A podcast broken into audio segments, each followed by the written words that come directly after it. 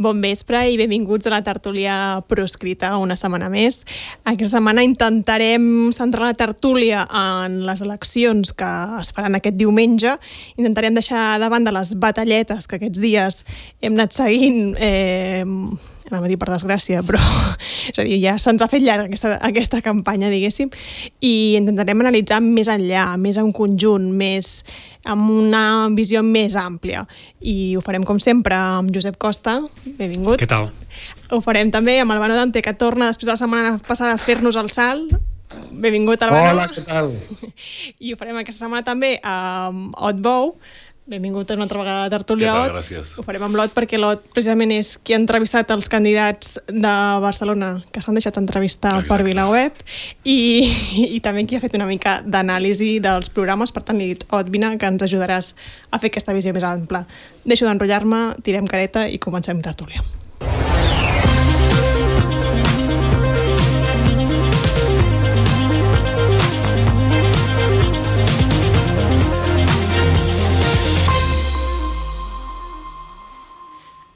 Com dèiem, aquest diumenge es faran les eleccions, diverses eleccions, i però si us sembla bé, intentarem tocar-les una mica totes, però si us sembla bé, comencem amb les eleccions municipals que hi haurà a Barcelona.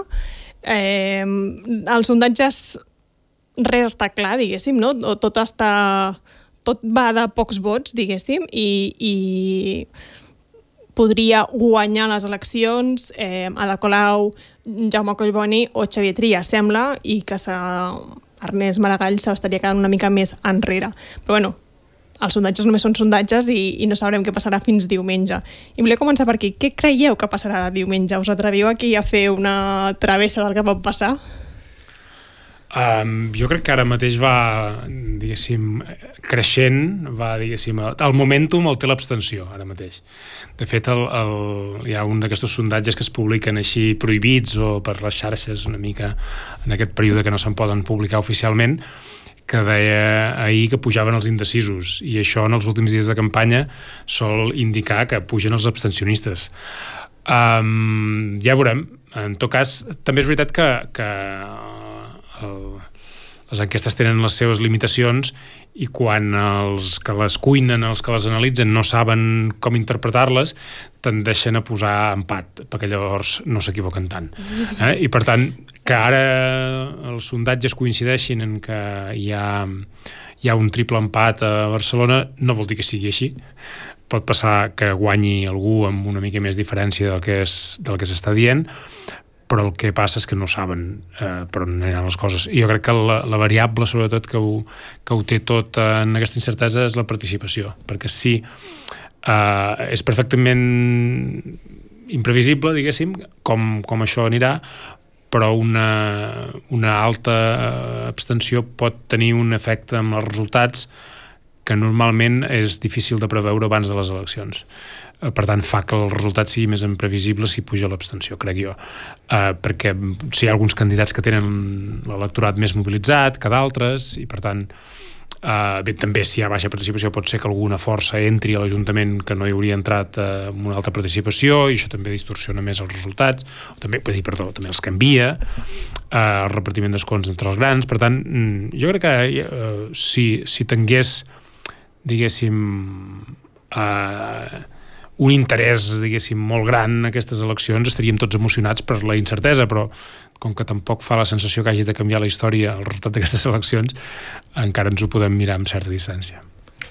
Jo sí que, jo sí que crec que, que aquestes eleccions, que potser és una mica grandiloquent dir-ho així, però sí que canviaran la història, almenys crec que crec que, mar, crec que marcaran, eh, crec, que, crec que amb la decepció no, no som conscients que marcaran segurament el pròxim eh, cicle polític que vol dir els pròxims 8 anys, si no 12, perquè si ens fixem amb, la, amb, les, amb, la, amb les tendències de vot, diguem-ne, uh, dels, últims, dels últims 15 anys, la, la, la, el, el temps, la temporalitat és aquesta, no? És a dir, el, el PSC, amb el, amb el segon tripartit a les municipals del 2007 arriba al seu pic uh, amb, amb representació a les municipals, després comença a baixar, baixar, baixar, baixar, uh, desagnat entre la tanalla que li fan Ciutadans, els Comuns i Esquerra Republicana, que en aquell moment comença a créixer, créixer, créixer fins a guanyar l'any passat, I ara jo crec que estem en un moment de, de, de punt d'inflexió, uh, però de, de, això, això suposo que ho desenvoluparem després perquè havies preguntat la porra. Jo crec que la... la mm, qui, Collboni segurament està en molt bona posició, Uh, el que passa és que realment és una mica eh, no vull dir ridícul, però realment com a espectador sobta una mica la insistència que fa ell, eh, que va guanyant, va guanyant, és el primer de que tothom es posa amb ell. En els debats, per exemple, ha estat fins i tot un punt gruller, no? I el que sí, el que, sí que jo crec és que eh, Ada Colau encara té bastantes opcions de guanyar i detecto especialment en el meu entorn, ja sé que només serveix de referència personal, però, però és, el que, és, el que, és el moviment més viu que detecto, so, és un perfil de votant independentista que, eh, sobretot jove, que està a prop de votar de Colau. És a dir, que, que com a mínim s'està plantejant, ha rumiat si votar de Colau. Hi ha molta gent que calcula que probablement la CUP no entrarà, molts votants eh, que voten per primera vegada o que tenen que estan a, a principis de la vintena, que quan veuen Ernest Maragall els sembla que és, eh, que és massa gran, i que Xavier Trias doncs, el, el, el, descarten perquè l'associen més amb la dreta o amb la vella convergència o amb el que sigui, i llavors jo crec que, que Ada Colau l'últim impuls, diguem-ne, el, pot, el pot rebre d'aquí. I pel que fa a la governabilitat, que suposo que ara també en debatrem, mm. jo crec que la, la, la clau de tot plegat és, eh, efectivament, com diu Ada Colau, qui queda primer. Jo crec que si guanya Collboni és indubtable que governarà el Collboni. Uh, i el dubte és què passarà si guanyen Colau, si, si la primera posició és per Colau o si és per Trias. Uh, Trias ha dit en principi que ell no optarà a ser alcalde si no queda primer. Mm, per tant, la qüestió és si faria Collboni alcalde en cas que Collboni quedi, segon i, i guanyi Colau. Uh, i, i, el, I la qüestió serà també si Ada Colau té prou força per sumar amb Ernest Maragall en cas que el bloc més anticolauista, diguem-ne, no es posi d'acord. Jo crec que aquest, aquest és l'escenari de moment. Albano. Eh, no, no, faré, no faré cap porra. És que, sincerament, penso... I, i deixeu-me abstreure o, o, o allunyar-me una mica. Si, si Colau ha estat governant amb Collboni, si Esquerra Republicana li ha aprovat els pressupostos a Colau, Clar, jo no visc a Barcelona i, i no tinc aquest entorn que deia Lot de, de votants joves o tal, que, que aviam què faran a Barcelona i tal, però vist des de fora, vist en clau de país, en el sentit de ho miro des de fora de la ciutat, però sabent que miro a, a la capital del país, eh, que de veritat és molt important si eh, Colau és la número 2 de Collboni o Collboni és la número 2 de Colau. I, i, i potser estic simplificant massa les coses, però és que m'avorreix profundament. Eh, eh, no sé, eh, la, la, la emoció que pugui sentir per la victòria de qualsevol d'aquests que es presenten, sobretot després d'un parell de setmanes d'escoltar-los, és nula. I per això jo estic esperant les 10 de la nit del diumenge, no per veure si Colboni o Colau o Maragall o Trias qui ha quedat per sobre o per davant, ni, ni per saber si en el meu poble ha caigut un regidor més o menys de cada costat. Jo, una de les dades que, que tinc moltes ganes de veure és quants centenars de milers de vots perden els partits independentistes el diumenge. Crec que seran molts eh, ho hem parlat en, en altres tertúlies pre, premunicipals, dient que eh, aquest intent generalitzat de fer veure que aquestes eleccions eren, no tenien res a veure amb el debat que ha tingut aquest país durant els últims anys, algun estratega deu haver pensat que aquest era el camí. Potser sóc jo i per això tinc tanta ganes de veure el diumenge a la nit si de veritat aquest país s'ha desconnectat i ara resulta que el debat és si donar-li un contracte a Florentino Pérez per recollir les basures a Barcelona o a Badalona o la cosa és donar-li dos contractes, un per les basures i un per les residències. Per tant, eh, és a dir, una de les coses que s'haurà d'analitzar serà l'abstenció, també hi ha, és veritat que també hi ha certes campanyes que, que, vot, que estan animant el vot nul, no? de votar amb la papereta de l'1 d'octubre, per exemple. Jo, jo eh, acabo i enllaço. Mm -hmm. Jo mateix, eh, jo no m'atreviria a, a fer campanya ni per l'abstenció ni pel vot nul. Eh, de fet, la gent al seu municipi eh, coneix de primera mà qui és qui, qui, qui se la juga, qui és compromès amb el seu poble i amb la seva gent, i per tant és molt difícil eh, fer no, campanya... Vull dir, jo hi ha molta gent en altres municipis que he vist que es presentaven i que, i que m'agradaria votar-los, no puc, però, però eh, és a dir, ara bé, Uh, i més enllà de que hi hagi una campanya o no, crec que és que la, la millor campanya per l'abstenció no la estan fent els que diuen que s'ha de posar la papereta de l'1 d'octubre. La millor campanya per l'abstenció la estan fent els partits independentistes. Uh, fa una estona a Twitter corre aquestes hores uh, el candidat d'Esquerra per l'Hospitalet dient bajanades com que uh, hi ha separació de poders i que i les normes, les sentències s'han de complir. Això és un exemple petit i el podríem posar de qualsevol partit. La principal campanya per l'extensió jo crec que l'estan fent els partits independentistes. Jo no voldria tirar el fantasma del PSC com si vingués el llop, perquè sé que és una cosa que retroalimenta molt els partits independentistes, perquè fa que molta gent que potser replantejaria castigar-los electoralment no ho acaba fent per por del PSC, però sí que, sí que discrepo una mica uh, de l'Albano que... Mm, és veritat que Barcelona té, té competències limitades, és veritat que com que és la capital del país, eh, diguem-ne que, no, que no, no, no tindrà prou marge de maniobra, per exemple, en termes de mobilitat o en termes d'urbanisme o en termes d'habitatge, eh, fins que Catalunya no sigui independent, realment no podrà definir un model d'estat, un model de ciutat, perquè, per exemple, en termes de mobilitat eh, necessitem una xarxa de transport públic eficaç i sense, sense això és una ximpleria qüestionar-nos altres coses o, o, o, o sobretot, és, una, és un debat incomplet. En termes d'habitatge, els grans fons pressupostaris han de venir del, de les partides del, del govern espanyol, per tant, és cert que es poden fer coses, però el, el problema continua sent, diguem-ne, del, del centralisme de base. Però dit això, i reconegut aquest problema competencial, jo crec que sí que, sí que es plantegen dos, eh, dos models de ciutat diferent, i sí que crec que no és ben bé el mateix si governa Trias, si governa Colau, si governa Collboni, si governa, si governa Maragall. Um, i aleshores no, jo tampoc m'atreviria ni a dir que la gent s'ha d'abstenir ni a dir que la gent no s'ha d'abstenir. Però sí que crec que entrem en una fase política, que entrem en un cicle polític, sobretot a, sobretot a Barcelona, en què l'abstenció eh, diguem-ne, mm, com una cosa continuada i com una cosa sostinguda, eh, pot, ser, pot ser realment una cosa delicada, és a dir, al, al final, sobretot a les municipals, el, el, uh, en els pobles petits, en els pobles mitjans i també a Barcelona, mm, hi ha coses que es debaten, que, que la gent s'hi juga al seu dia a dia i que realment es poden, es poden solucionar. Sense que això sigui un al·legat en contra de l'abstenció, perquè jo no sé què faria si votés a Barcelona. Dit això, l'altra cosa, cosa que també volia dir, ja que parlem de l'abstenció, és que sempre ens fixem molt amb la, amb el, amb la decepció que hi ha entre el gruix de votants independentistes eh, respecte del, de Junts i d'Esquerra i, de, i de la CUP. No? Hi, ha, hi ha com una, com una frustració, eh, com si fos una ferida oberta, que, que, que ho és, que fa que molta gent encara no sigui capaç de reconciliar-se amb els partits polítics perquè troben que els ha decebut. Això hi és, però és molt interessant i no, no en parlem mai, crec que no en parlem mai, com hi ha un altre dolor, hi ha una altra ferida en aquest país, que és, la, que és una altra decepció, que és la decepció amb el PSC.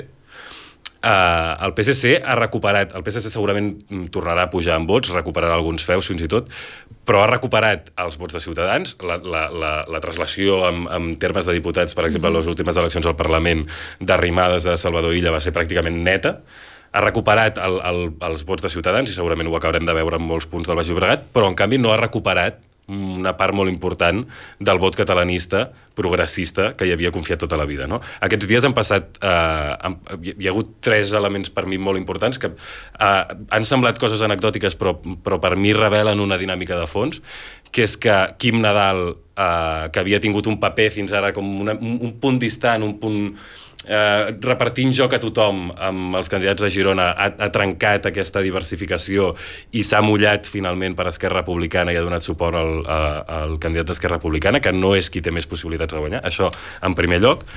La segona cosa que ha passat és que... Eh... També és en cert punt lògic, vull dir... Bé, en cert punt és lògic... conseller d'Esquerra Republicana. En cert, en, cert punt lògic, en cert punt lògic o no, perquè realment Quim Nadal té prou té prou solvència i prou experiència com per mantenir-se com un independent.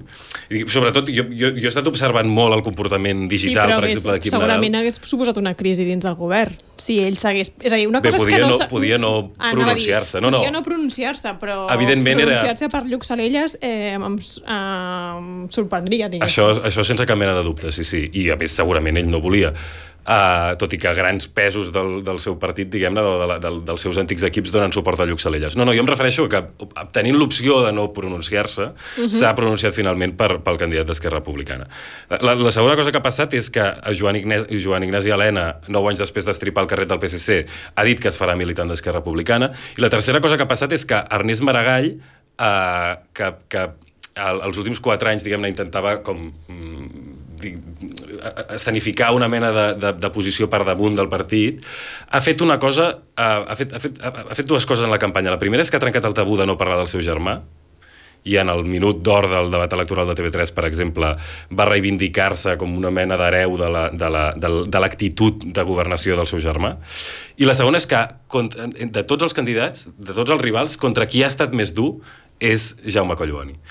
I va dir una frase per mi, per mi molt, molt important, que és aquesta de uh, vostè representa el PSC del qual jo vaig haver de marxar. Això, aquest, aquest jo vaig haver de marxar, re, eh, manifesta una ferida de fons que hi ha en molts, en molts catalanistes progressistes, diguem-ne, uh, que, que hi és en aquest país també, i que és l'altra cara de la, de la moneda de l'abstenció independentista. Llavors, en el, el, nou, en el nou cicle, i acabo, jo us deixo parlar, perdoneu, però en el, en el nou cicle que comença ara, diguem-ne, en, el nou, en la nova era política, el que serà molt important serà veure fins a quin punt el PSC té capacitat de recuperar vot catalanista, fins a, qui, fins a quin punt Junts pot arribar a acords tàctics de manera generalitzada amb el PSC sense obrir una ferida molt important en, les, en, el seu, en la seva base electoral? I fins a quin punt la, la, la, la tensió, la, la, uh, tensió sexual, anava a dir, la, la, la simpatia, la, el flirteig entre Junts per Catalunya i el PSC fa que Esquerra Republicana, després de cinc anys encarnant d'alguna manera la rendició i el roxisme, passa a ser o, o, o, o té més facilitats per presentar-se com un partit catalanista i pragmàtic. Jo crec que això, que potser ara sona marcià, però és, és, el- són les dinàmiques de fons que veurem els pròxims anys. Sí, no, uh, uh, evidentment totes aquestes dinàmiques uh, i, i, i un punt que jo crec que són dinàmiques que ja les estan veient, que ja s'estan detectant en el país, algunes que segurament uh, dilluns les uh, sobreanalitzarem o les sobrevalorarem, però um, hi, hi, ha dos, hi ha dos dinàmiques. Jo que el PSC serà el partit més votat a Catalunya ho dono per descomptat. És que ja eh, em sorprendria molt qualsevol altra cosa. Bàsicament perquè el PSC ha, set, ha estat no amb regidors o alcaldes, sinó en vots, ha estat sempre el, el partit més votat a Catalunya en unes municipals, excepte les dues eleccions en ple procés, eh, no? les del 15 i les del 19 perdó, la, la, des de l'11 fins al 19 uh -huh. um, que són tres eleccions el, la qüestió aquí eh, dèiem abans amb el tema aquest de, de, de l'interès eh, jo crec que cada, cada partit té el seu àmbit i s'hi juguen molt però una dada, i ara que parlàvem de l'abstenció, jo tampoc mm, faré cap crida a l'abstenció i a més em semblarà, diguéssim, eh, bastant barroer i, i diguéssim, i sense cap fonament si algú eh, dilluns es vol atribuir el mèrit o es vol atribuir eh, la bandera de l'abstenció perquè és evident que l'abstenció serà més alta perquè el cicle polític és diferent. És a dir, el, el, igual com amb les victòries del PSC eh, l'abstenció també va baixar durant el procés. És a dir, durant eh, les eleccions del 12, 15, 17 les eleccions varen ser eh, eh, un, diguéssim, un pol d'atracció de nous votants, de, de, de, de, de gent que no havia votat mai, i vàrem arribar a un 80% de participació, que és una anomalia històrica eh, en el nostre context. Eh, que les, mm, les úniques eleccions eh, comparables són algunes, puntualment, algunes eleccions espanyoles o les eleccions del País Basc, allà on hi havia la, la, la gran batalla de, de Ibarretxe contra Mayor Oreja. Um, per tant, la sèrie normal és que si s'ha diguéssim, desescalat el conflicte, s'ha eh, pacificat el país, això automàticament comporta abstenció. Per què? Perquè comporta tornar eh, al preprocés, al moment anterior al procés. Això també automàticament comporta que el PSC guanya, perquè sempre ha guanyat fora d'aquestes eleccions en ple procés. Per tant, aquestes dues variables les dono per descomptades al marge del que faci eh, de qui guanyi, de qui no guanyi, de qui faci campanya per una cosa, de qui faci campanya per l'altra. Um, i, i em sembla que va ser i ja ho havíem contat alguna vegada eh, també estic d'acord amb, eh, eh, amb, amb això que, que deies ara que el, el, és una cosa significativa que el PSC després del procés és més de dretes i més espanyolista que mai Um, això, bé, um, és una cosa que ja, ja la sabem, ja la veiem al Parlament de Catalunya, ja, ja, ja la tenim, la donem per descomptada. Jo crec que aquí el, el, la bona notícia, entre cometes, és que uh, guanyi qui guanyi són uh, majories molt precàries. És a dir, així com al Parlament de Catalunya el partit més votat té 33 diputats, que és la xifra més baixa de tota la història, jo crec que això no sé si s'ha comentat mai. És a dir, en, en aquestes eleccions de l'any 21 el partit més votat del Parlament de Catalunya va tenir el número més eh, reduït de diputats de tota la història. Uh, I uh, a Barcelona també ha passat, jo crec que això ja ha passat, que va ser les últimes eleccions, que el partit que va quedar més votat va ser el que menys regidors tenia tota la història com a primer partit. Per tant, eh, tot això porta, diguéssim, en aquesta necessitat de pactes i, i jo crec que estaria una miqueta més en la línia que deien Albano abans, que, que, que com que s'han de fer aquestes aliances hi haurà molta gesticulació amb els pactes i per tant tota la campanya avorrits parlant de pactes quan sabem que tots menteixen o amaguen les seves veritables intencions sobre què volen fer i per tant dependrà dels resultats i dependrà de tot plegat però al final allò allà on hi ha, on hi ha diners i coses per repartir per exemple a l'àrea metropolitana de Barcelona que és una administració que té molt poder i molt pressupost, eh, crec que ningú sap que hi ha un quatripartit de PSC, Comuns, Junts i Esquerra. Eh, I ningú el fiscalitza, ningú el critica, i allà ningú diu oh, és que pactaràs amb aquell, oh, és que pactaràs amb l'altre. No, és que allà governen tots junts. I és una institució que té molt poder i molts diners, com deia. Eh, per tant, sí que eh, a Barcelona hi ha bastanta transversalitat de moltes coses. No? No, jo crec que no hi ha res rupturista, no hi ha res que, que, que realment sigui trencador, mm, malgrat els discursos, perquè Ada Colau eh, ha fet algunes coses que dialècticament poden semblar rupturistes, però eh, com dèiem abans, li segueix adjudicant les residències en Florentino. No? Albano. Sí, um, ara, ara que ara que Josep parlava d'aquesta manca d'un discurs rupturista, que pot tenir a veure amb aquesta idea que deia Lot, de dir, ostres, eh, encarem una nova etapa, eh, postprocés, amb, amb altres eixos, altres dicotomies, altres antagonismes, on te veurem si Esquerra o Junts com, com s'acoplen a un nou paper, no sé si central però important del PSC. És a dir, a un moment preprocés amb els pragmatismes del preprocés i estic d'acord en que tot això pot passar. Ara, eh, hi haurà, i no sé quina forma tindrà, i no sé quin tamany tindrà, però hi haurà una, una o haurà d'haver en la política catalana una veu, no que sigui fidel a l'1 d'octubre i tot això, però una veu que mantingui o que representi o que intenti impugnar aquest, aquest retorn al pragmatisme. No pot ser que després de tot el que hem viscut aquí se comenci a pactar amb el PSC, se comenci, he dit se comenci com si no s'hagués continuat pactant. Però bueno, és a dir, no, però dic la formalització ja, la, la puesta de largo del pragmatisme general al país, no dic que no pugui passar, com diu Olot, ara, això ha de tenir conseqüències. I m'imagino que després del diumenge eh, hi haurà moltes coses que s'hauran de posar sobre la taula. Jo no em vull creure que en el país de l'1 d'octubre del 3 d'octubre aquí es pugui fer com si no hagués passat res. Que potser és un moviment petit, que potser és una cosa mm, sense capacitat de trencar el moment pragmàtic, potser sí. Ara, que estic segur que aquesta veu post eleccions municipals s'haurà d'anar configurant, o com a mínim hauríem de desitjar que es configuri. Escolta'm, el Partit Socialista és una força repressora, és una força ocupant, és una força antidemocràtica i és una força eh, profundament autoritària. Això s'ha de dir. I si no ho pot dir Junts ni ho pot dir Trias perquè han de pactar, si no ho pot dir Ada Colau perquè ha de pactar, o no ho pot dir Maragall perquè ho ha de pactar, algú haurà de dir.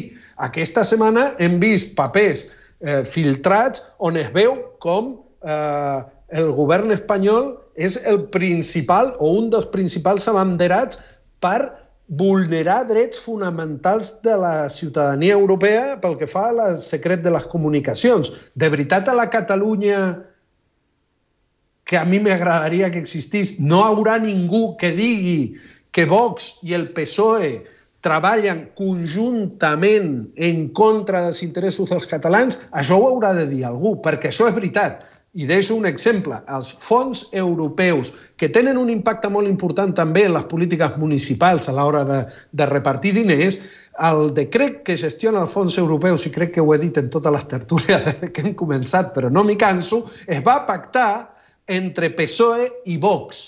I això no pot ser en aquesta campanya on te parlen de fer cordons sanitaris que aquí s'estigui pactant amb un partit que li està fent aplanant el camí a Vox per reprimir massivament la dissidència en la resta de l'Estat, però sobretot a Catalunya. I jo crec que, perdó, eh, m'he allargat, però el retorn a aquesta pax pragmàtica que poden suposar els resultats que veiem diumenge, espero que vagin acompanyats amb un ressorgir d'un discurs impugnatori.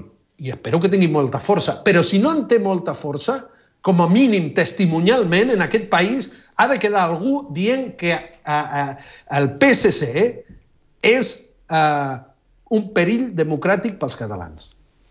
I tinc un, tinc un dubte, eh, perquè Llavors, com s'ha de llegir aquestes eleccions des de la visió independentista? És a dir, i per altra banda, qui ha guanyat traient del debat l'independència en, aquestes, en aquestes eleccions? Perquè la meva sensació és que l'estratègia dels partits independentistes ha sigut errònia, perquè traient el debat de la independència uh, uh, en aquesta campanya, l'únic que, que han fet és també desmobilitzar el seu vot, d'alguna manera.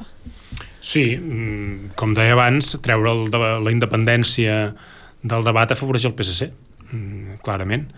Uh, i, el, I el que el que deia ara, mm, agafant el fil que, que ara ens llançava en Albano, jo crec que és molt important que hi hagi uh, un discurs impugnatori d'aquest retorn a la pau autonòmica. El que jo crec és que en aquestes eleccions, uh, sobretot el, el, la batalla de Barcelona, el que, el que veiem és que és una batalla profundament autonòmica. És a dir, que la classe política eh, eh, s'ha instal·lat en la pau autonòmica eh, al 100% ja i que, per tant, el, el, la impugnació d'aquest retorn a la pau autonòmica ha de venir de fora dels partits i de fora de les institucions, malauradament. Um, més de les elites dels partits. I si, si aquesta impugnació de la, de, de la pau autonòmica sorgeix del carrer, dels activistes i de, i de elements de fora de les institucions, segur que la primera corretja de transmissió que tindrà seran minories en cada un dels partits independentistes, perquè uh, sí que hi ha uh, descontent en, en minories de tots els partits independentistes. Fins i tot Esquerra Republicana. Uh, jo, em consta que Esquerra Republicana uh, comença a haver-hi, diguéssim, gent eh, ja que eh, comença a pensar que si en Maragall té un resultat eh, molt dolent i si Esquerra eh, perd les eleccions que va guanyar fa 4 anys, eh, això ja podria tenir conseqüències eh, internes dins Esquerra Republicana, començaria, començaria a haver-hi veus crítiques amb el, amb el lideratge d'en Junqueras, veurem si això passa o no passa, però que hi ha gent que ho està anticipant, per tant, eh, pot ser que eh, al final aquesta, aquesta certa eh, diguéssim onada de PSC sigui eh, un, un, un miratge com ho va ser el 2008 perquè al final el 2008 també en clau, en clau espanyola hi va haver un, una gran, un gran resultat del PSC a Catalunya de, d'Anna Carme Chacón, que de fet va treure el millor resultat de la història del PSC, a les eleccions del 2008 i va ser el preàmbul de la desfeta. Per tant, eh, jo mm, amb això, mm, bé, lo normal seria que ara s'obrís un nou cicle polític, però no crec que el, eh, si són unes eleccions de desmobilització i de, i de que realment no està clar que hi ha en joc, perquè el debat està molt distorsionat i un dia es parla de, de futbol, no? de, de, de les batalles aquestes de, del racisme en el futbol. De fet, eh, eh, ara que he dit el futbol, el dimarts que hi va haver el debat eh, electoral de la campanya de Barcelona, sembla ser que el futbol va guanyar en el debat. Eh? I, I veia unes dades molt eloquents. Que un partit que... que va perdre el Barça, a més a més. Uh, però uh, uh, jo crec que és una dada que s'hauria de destacar uh, si és correcte el que s'ha publicat, que, que no tinc motius per pensar que no ho és. El, uh, fa quatre anys el debat dels candidats de Barcelona el varen veure 700.000 persones i eh, fa dos dies, el debat del 2023, el varen veure 200.000 persones. Eh, per tant, diguéssim, la diferència és tan abismal que és veritat que hi havia un partit de futbol, un partit de futbol que el Barça jugava i que va perdre eh, i, i no tenia cap interès perquè la Lliga ja s'ha acabat, però però, eh, clar, una baixada tan gran d'interès per la batalla de Barcelona... No crec que tot fos culpa del futbol, eh, diria. Jo, jo. crec que no, que no ho és. Que, que és perquè jo no tinc... Confesso que, no, que jo, periodista, i que em dedico a això, va haver un moment que vaig necessitar apagar la tele. De, de, vull dir, estava passant vergonya. Jo no vaig mirar ni un minut. Jo no vale. he de votar a Barcelona, però és que tampoc crec que en els debats que, es, que hi ha en, aquest, en, en, en aquesta cursa electoral de Barcelona mm, i, i, supos que els barcelonins pensen d'una altra manera, però jo no m'hi vaig representat en cap dels debats eh, que hi ha. I... A veure, jo, jo, jo tres, tres coses sobre tot això que dèiem. La primera, eh, mm, de qui és culpa o a qui beneficia que, no, que la independència hagi desaparegut del debat. Uh, estic d'acord que beneficia sobretot el PSC, però uh, aquí la qüestió és que, a veure, Esquerra Republicana uh, ja fa molts anys, diguem-ne, que, no, que, que parla, que, que, que té molt clara la seva línia, que és diàleg i referèndum. Ens sembli possible o no ens sembli possible. Aquí la novetat és, és, és l'operació que a través de la imatge de Xavier Trias s'està intentant, està intentat fer a Junts per Catalunya, eh, en què l'objectiu és precisament Um, és a dir, Convergència, l'espai convergent, després el PDeCAT, després Junts per Catalunya, uh, es va, va, va canviant per culpa del procés. No? I llavors arriba un moment que Junts per Catalunya té un problema, que és que un gruix massa decisiu de la seva base electoral original, això ja em sembla que ja ho vam parlar l'altra vegada, eh, s'ha fet independentista. I llavors necessiten, necessiten saber, necessiten mantenir aquest gruix de la base independentista sense decebre'ls i alhora necessiten adaptar-se a la pacificació autonòmica i a la situació autonòmica i a pactes amb altres partits com el PSC per seguir rebent diners i perquè un partit és com una empresa i necessita aguantar i sostenir-se. I, té, i, I té càrrecs, i té mm, poder polític, i té poder simbòlic, i tot el que vulguem, tot el que ja sabem.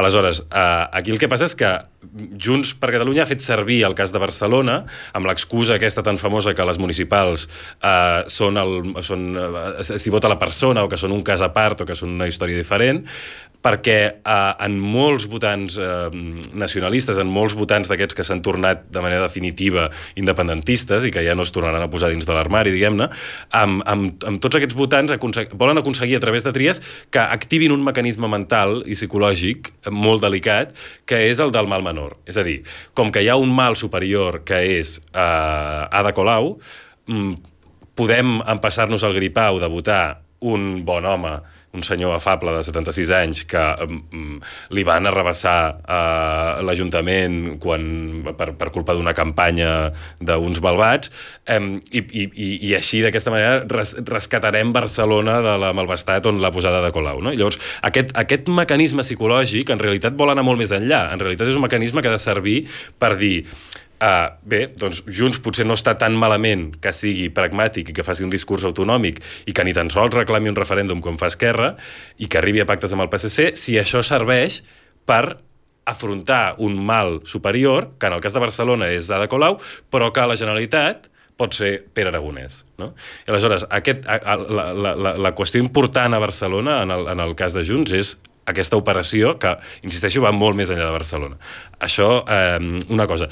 L'altra cosa és que... Eh, que clarament, eh, sobre això que dèiem abans, clarament la, la, la, el trencament de la pacificació, és a dir, el trencament de l'autonomia, la, la, el revisculament de l'independentisme s'haurà de fer amb mecanismes que ara mateix estan fora de les institucions.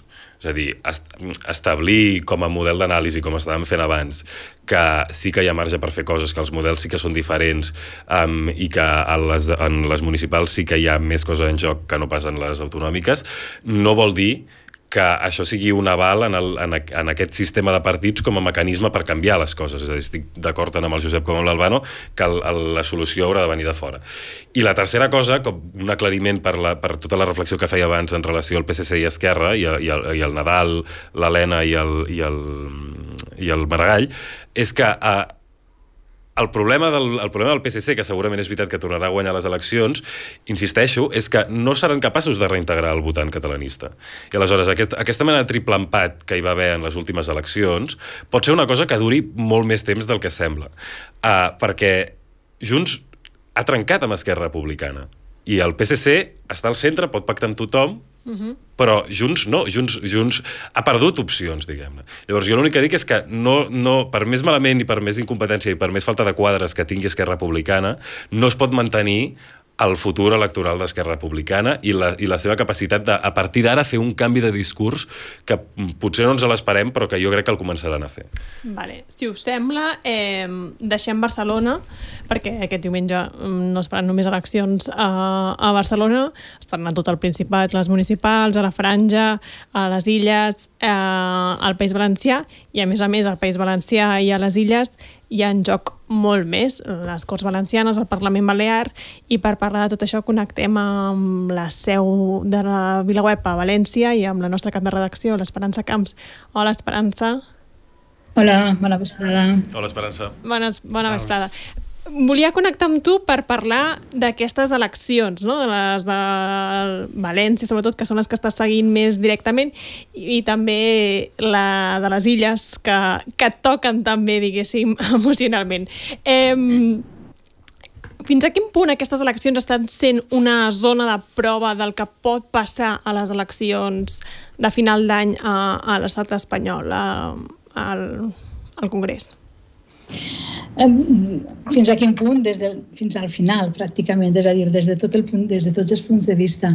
Tot i que els partits valencians al principi deien que no, que, que el País Valencià no era cap trofeu per a ningú i que, per tant, això són unes eleccions valencianes en clau valenciana, és evident, molt evident, que els dos partits grans, els dos partits espanyols, tant el PP eh, com el PSOE, s'ho han pres com això que tot el món diu que no és, una primera volta d'aquestes eleccions eh, espanyoles de final d'any.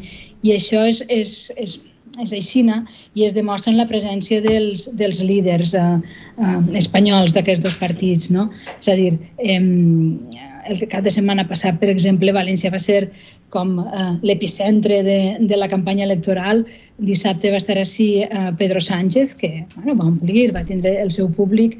Diumenge va estar Feijó, que va omplir la plaça, la plaça de Baus. No la va rebentar, no la va rebentar, la va omplir, sí. I en aquest cas, eh, per exemple, Núñez Feijó va vindre diumenge, està avui així i demà torna. Demà torna a tancar la campanya així a, a València.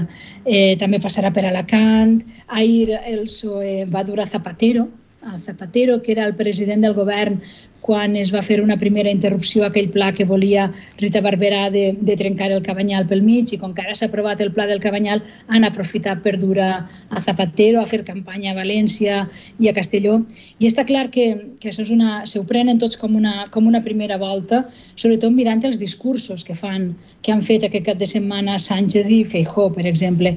Sánchez va vindre a València com hauria pogut anar a qualsevol altre poble d'Espanya, a qualsevol altra ciutat, a fer el seu discurs. Ell va vindre així a vendre sanitat, crec que era, va oferir no sé quants milions per a la sanitat, per als centres de salut. Del País Valencià no va dir ni pruna. És a dir, no, no va dir res. Ell ve així a, a guanyar vots, a, ser el, a que el Partit Socialista siga el més votat um, a les eleccions. En el 2019 el, a Espanya el partit més votat va ser, va ser el Partit Socialista i sembla que les enquestes diuen que ara no ho serà, que el PP eh, el sobrepassarà i això és el que vol evitar ell. I per tant, eh, el País Valencià és com això, no? com un, un banc de proves, saber quina és la força dels dos partits per a mobilitzar les seues bases. No de jo crec que en la ment de tots hi ha una dada que pot semblar molt llunyana, que és el 1995, L'any 95, eh, Eduardo Zaplana va guanyar les eleccions en la primavera del 95 i va ser com eh, la porta d'entrada de José María Aznar després del 90, a les eleccions del 96. El PP vol tornar a fer exactament el mateix. Vol guanyar aquestes eleccions ara per a que eh, en desembre o en novembre, quan seran les eleccions espanyoles, el PP tinga eh, la, la catifa roja per a, per a resar. Esperança, vaig just a temps, però només volia afegir una cosa, i és que precisament en aquestes eleccions hem vist que hi havia un paper estrany, diguéssim, si, si es llegeix amb visió, diguéssim, de l'estat espanyol, que era el paper de Yolanda Díaz, no? que avui demanava el vot per Ribó. Sí, Yolanda Díaz ha vingut a fer un paper un poc extraordinari aquest dia, és així. Ah, Yolanda Díaz és de Sumar i tots diuen Sumar no es presenta a les eleccions aquestes, però Ribó al principi de la campanya volia que Yolanda fera campanya per ell i Llueca, que és de Podem, en teoria d'Unides Podem, el mateix partit de Yolanda, també volia que fera campanya per ell. I el que ha passat és que ahir Yolanda Díaz va anar a Alacant a fer campanya, a donar... Sembla que en Alacant hi ha un, un, un diputat que podria estar... És a dir, ara Unides Podem en Alacant té tres diputats i, el, i ara estan lluitant per tindre'n un, però lluitant per tindre'l, probablement no el tindran. Sabem tots que no hi ha cap sondeig, sondatge que li doni uh, de manera oberta en el 5% a Unides Podem per entrar a les Corts Valencianes, per tant aquest diputat a Alacant era molt important. Per tant, Yolanda va anar ahir, es va posar la, la, les sabates de, de mitinera i va anar a fer un mitin a la camp per a donar suport a, a Illueca, a Héctor Illueca, que és el candidat a la presidència de la Generalitat. Avui, a València, Yolanda ha vingut convidada per la Comissió Ciutat Port, que són aquesta gent que lluiten mm, als carrers, però també als tribunals per evitar l'ampliació del port de València. Era una invitació a ella, però ràpidament, quan es va saber que Yolanda venia, tant Joan Ribó de Compromís com Pilar Lima, que és la candidata també a la Vallia de València per Unides Podem, va dir anem. I els dos s'han presentat avui a passejar-se amb un oratge no gaire bo per la platja del Saler amb, amb Yolanda Díaz a l'hora de les declaracions, amb Ribó a una banda i Pilar Lima a l'altra, Yolanda Díaz ha dit de manera oberta que demanava el vot per Joan Ribó, no per Pilar Lima. Per tant, ha un, una miqueta de, de desconcert, no desconcert, suposa que, que l'aparell d'Unides Podem sabia que això passaria, però que ho fera tan a la descarada amb Pilar Lima allí davant ha caigut com una bomba, tant és així que Pilar Lima se n'ha anat, amb l'excusa que tenia un altre compromís i que, bé, que se n'havia d'anar, se n'ha anat molt, molt enfadada. També és de veres que els equips de comunicació d'Unides Podem, que aquests dies estan en el xat aquest mm, de comunicació tot el dia, enviant fotografies, enviant mm, talls de veu, enviant de tot, no han enviat res d'aquest acte. Havien enviat la prèvia, la ubicació, tot això, però a partir d'ara hi ha hagut un silenci per tant, sí que és de veres que també en clau espanyola aquest paper que ha fet avui Yolanda Díaz ha estat una miqueta estrany en clau valenciana. Perfecte, Esperança, moltes gràcies i seguirem diumenge atents tot el que passi. Seran, serà una vesprada molt, molt emocionant, suposa, perquè no hi ha res escrit. Els dos blocs estan molt, molt igualats i estan tots tirant la resta per a veure com, com arriben amb força a aquest diumenge electoral. Perfecte. Doncs fins la pròxima. D'acord, adeu. Eh, us volia preguntar que això, eh, té sentit fixar-nos en aquestes eleccions per veure què passarà eh, d'aquí a final d'any? No sé, Albano, què, què hi penses tu? Eh, creus que, que poden passar encara moltes coses i que per tant no té sentit dir, bueno, si els socialistes guanyen ara ja ho tenen guanyat eh, al Congrés o, o, o poden canviar les coses? Uh, primer volia fer un apunt sobre aquesta sí. última cosa que s'explicava l'Esperança de, de la Yolanda Díaz. Jo, la Yolanda Díaz i en Ribó i la Pilar Lima. Aquestes ganivetades profundes, el fetge, fins al mànec del, del ganivet davant de les càmeres, vull dir, Clar, jo no, no conec gaires partits per dintre, però això és eh, en l'òrbita Podemil, hòstia, això ho he vist moltes vegades, i quan vaig veure això de, de Pilar Lima dic, hòstia, hi han tradicions que no, que no canvien, no? Aquest, aquest, aquesta nova política eh, eh, que, que no se n'amaga, o sigui, que no amaga ni els ganivets, no? bueno, pues, eh, res, ho, ho estava sentint i dic, hòstia, quin, quin, quin estómac i quin, quina valentia. Um, No deia això de la, la, la visió, quasi de, de la visió d'aquestes eleccions podem extreure una visió de cara a què pot passar a final d'any. També, ah, també segurament el que tu dius, eh, aquesta campanya ens ha servit per veure què passarà aquí a final d'any, amb Clar, Podem, per exemple. Jo, jo, jo espero, i, i, això, i això, no, això no és ni una predicció ni un anàlisi, ni tan sols estic en mode analític, estic en mode, diguéssim, desideratiu jo espero que de la mateixa manera que la setmana passada parlàvem d'Europa com, i de les notícies que arriben, com un dels motors que pot ajudar a obrir una nova etapa o deixar enrere, crec que en, en Josep deia, deixar enrere l'etapa de la resignació, de la derrota. De... Uh, jo espero que aquestes eleccions també contribueixin. Uh, I, de fet, eh, tinc ganes de que, de que quedi clar que per aquí, de que, de que el diumenge es vegi de que pels catalans no hi ha camí eh, practicable eh, des del punt de vista que se, des del lloc pel qual se'ns vol fer passar. I si aquestes eleccions municipals serveixen per posar un altre clau al taüt de la pau autonòmica, eh, per mi serà una alegria. Però dit d'una altra manera, no espero que sigui aquest clau al taüt. Eh, espero que ens serveixi per treballar, per martellar aquest clau. És a dir, eh, per si mateix no passarà res, però si aquestes eleccions ens ajuden a, a, a treure'ns hòstia, aquestes capes de porqueria que portem arrossegant des de fa cinc anys, jo crec que ja serviran de molt, però això s'ha de veure a partir de dilluns, no l'any que ve. Vull dir, ens ha de servir per posar-nos en marxa per dir, bueno, fins aquí han arribat. Espero, espero, potser no, potser... Però jo crec que ha de, ha de ser una oportunitat no per veure-les venir, sinó per dir, bueno, senyors, s'ha acabat i ens posarem a, a intentar fer alguna cosa diferent. Doncs fins aquí les eleccions i si us sembla em queden 3 minuts, però no voldria marxar sense preguntar-li a Josep Costa, perquè vaig veure que la setmana passada vam tenir molt d'interès tot el que vam parlar i aquesta setmana hem sabut novetats del Tribunal Europeu de Drets Humans. Finalment han enviat a l'estat espanyol un seguit de preguntes molt importants sobre les denúncies que va presentar-hi Oriol Junqueras, Jordi Turull, Jordi Sánchez què significa això?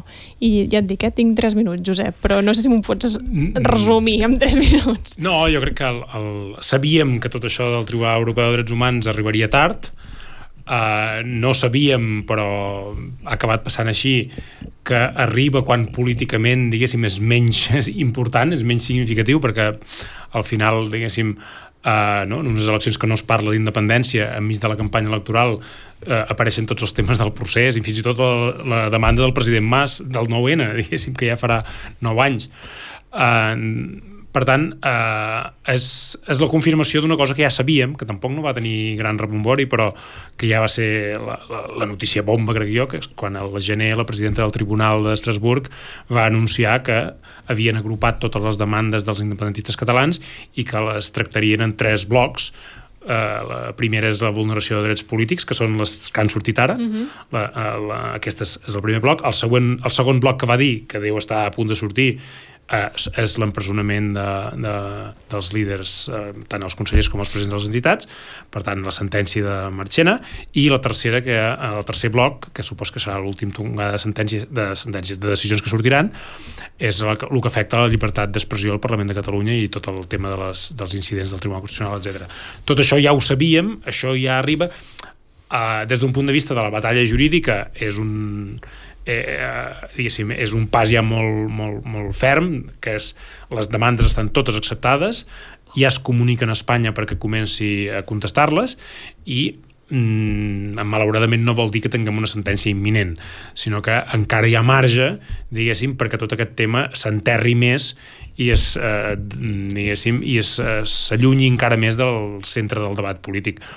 Però des d'un punt de vista del que és eh, el que a mi m'importa, diguéssim, com a activista independentista, eh, és construir un camí pel qual eh, aquesta impugnació de la pau autonòmica i del règim del 78, conjuntament, ha de tenir una, una sortida. No? Bàsicament, ens delimitaran tot aquell àmbit que s'ha criminalitzat, que s'ha reprimit, i d'aquí venen molts dels represaliats que hi ha, que no és delicte i que d'alguna manera els tribunals internacionals delimitaran aquest camí per a la revolta democràtica que no es pot criminalitzar d'acord amb, els, eh, amb la doctrina internacional dels drets humans. Per tant, és molt important a curt termini, per les raons que dèiem abans, no és políticament decisiu, però jo crec que en el corrent de fons és molt important segur que en seguirem parlant, que en podrem parlar amb més calma, amb més tranquil·litat, quan, a més a més, hi haurà novetats, eh, aniran havent-hi novetats i per tant ho podrem tractar millor.